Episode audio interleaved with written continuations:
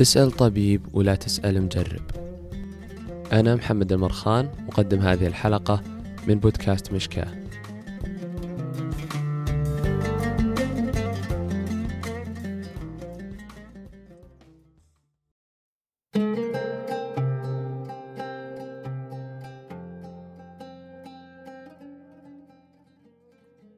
كان العرب منذ قديم الزمان يلجؤون إلى الأمثال التي كانت لها وقعها الخاص في حياتهم اليومية. يكبر الإبن على نغم أبيه. يردد تلك الأبيات التي لطالما سمعها عن أبيه هو الآخر. كان يخالط بها رقص النار تحت ظلمات الليل الحالك.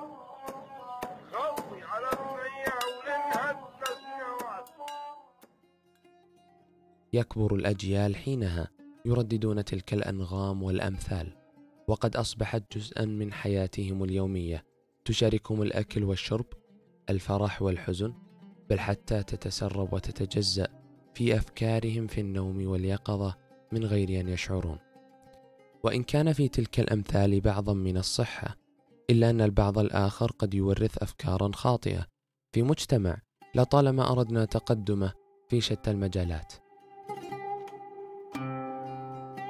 اسأل مجرب ولا تسأل طبيب. هو من تلك الأمثال العربية القديمة التي توارثتها الأجيال في زمان لربما كانت فيه التجربة خير برهان. أما اليوم فالتجربة أصبحت جزءا أساسيا من الطريقة العلمية التي يعتمد عليها جميع الخبراء وذوي العلم وخاصة الأطباء.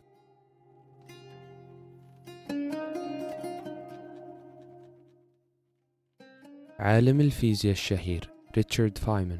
الحاصل على جائزة نوبل في الفيزياء مجد تلك الطريقة بكلمات من محاضرة له في عام 1964 في جامعة كورنيل العريقة. جملة في نظري تختصر كل الحروف في هذا البودكاست. وكما قال بالحرف الواحد وهو يقصد التجربة العلمية وليست الشخصية. إذا تعارضت نظريتك مع التجربة فهي خاطئة.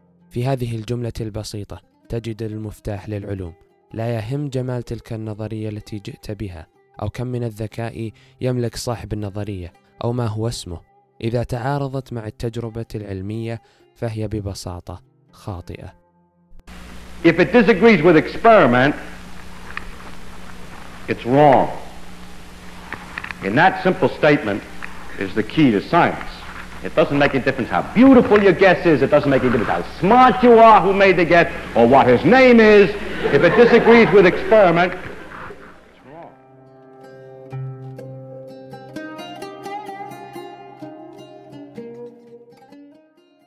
الملاحظة التساؤل وضع فرضية اختبار تلك الفرضية دراسة النتيجة وأخيرا الفصح عن الدراسة حتى يستفيد العلماء الآخرون من تلك النتائج.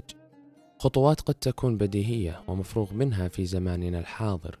تدرس لطلاب المرحلة الابتدائية في المدارس إلا أن العالم كان يفتقر إلى تلك الطريقة في تحري العلم قبل بزوغ الحضارة الإسلامية الذهبية. وبالتحديد إنجازات الحسن بن الهيثم الذي بنى هذا الصرح حتى يخرج بكتابه الشهير علم المناظر الذي كان أساسه تلك الطريقة وكان الأول من نوعه في علم البصريات. تلك الطريقة التي بنت أساس العلم الحديث الذي جعلك تستمع إلى هذا البودكاست في الوقت الذي أردته أنت. فالتجربة مهمة، ولكن الأهم منها إذا وجد العلم، فهما وجهان لعملة واحدة. فالتجربة من غير علم هزيلة، ضعيفة، لا تستقيم. والعلم من غير تجربة فهو علم العصور الوسطى علم جاهل من غير عنوان. فأطباء اليوم هم مجربون قبل أن يكونوا علماء.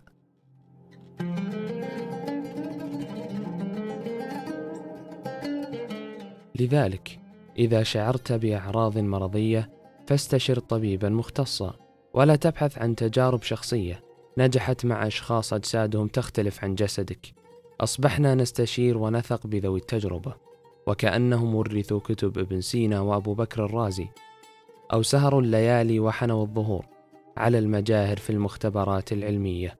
فكم من شاب يافع كان ينتظر مستقبلا زاهرا منيرا حس بأعراض مرضية يشكو منها ليلا ونهارا.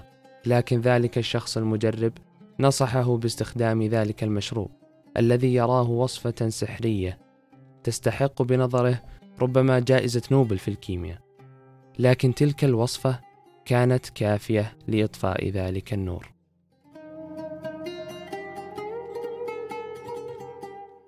أو ربما أم دفعتها غريزة الأمومة إلى البحث عن دواء لابنها النحيل في فراشه. تحدق عيناه إلى أمه تتكلمان لها بلغة النجدة ولكن بحثها عن الدواء كان في المكان الخطأ. يمكن المجرب يفهم. ثلاث كلمات كانت كفيلة بتوديعها لابنها الصغير.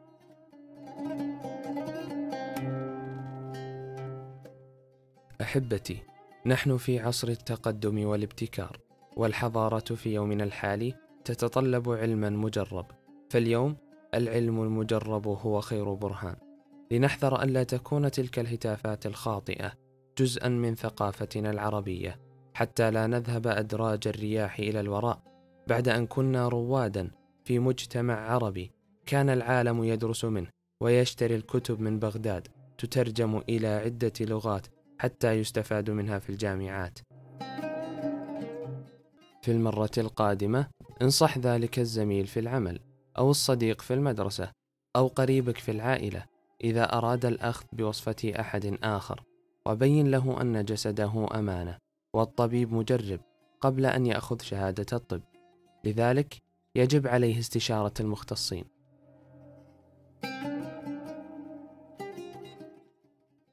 وفي الختام لنجعل شعارنا اسأل طبيب ولا تسأل مجرب.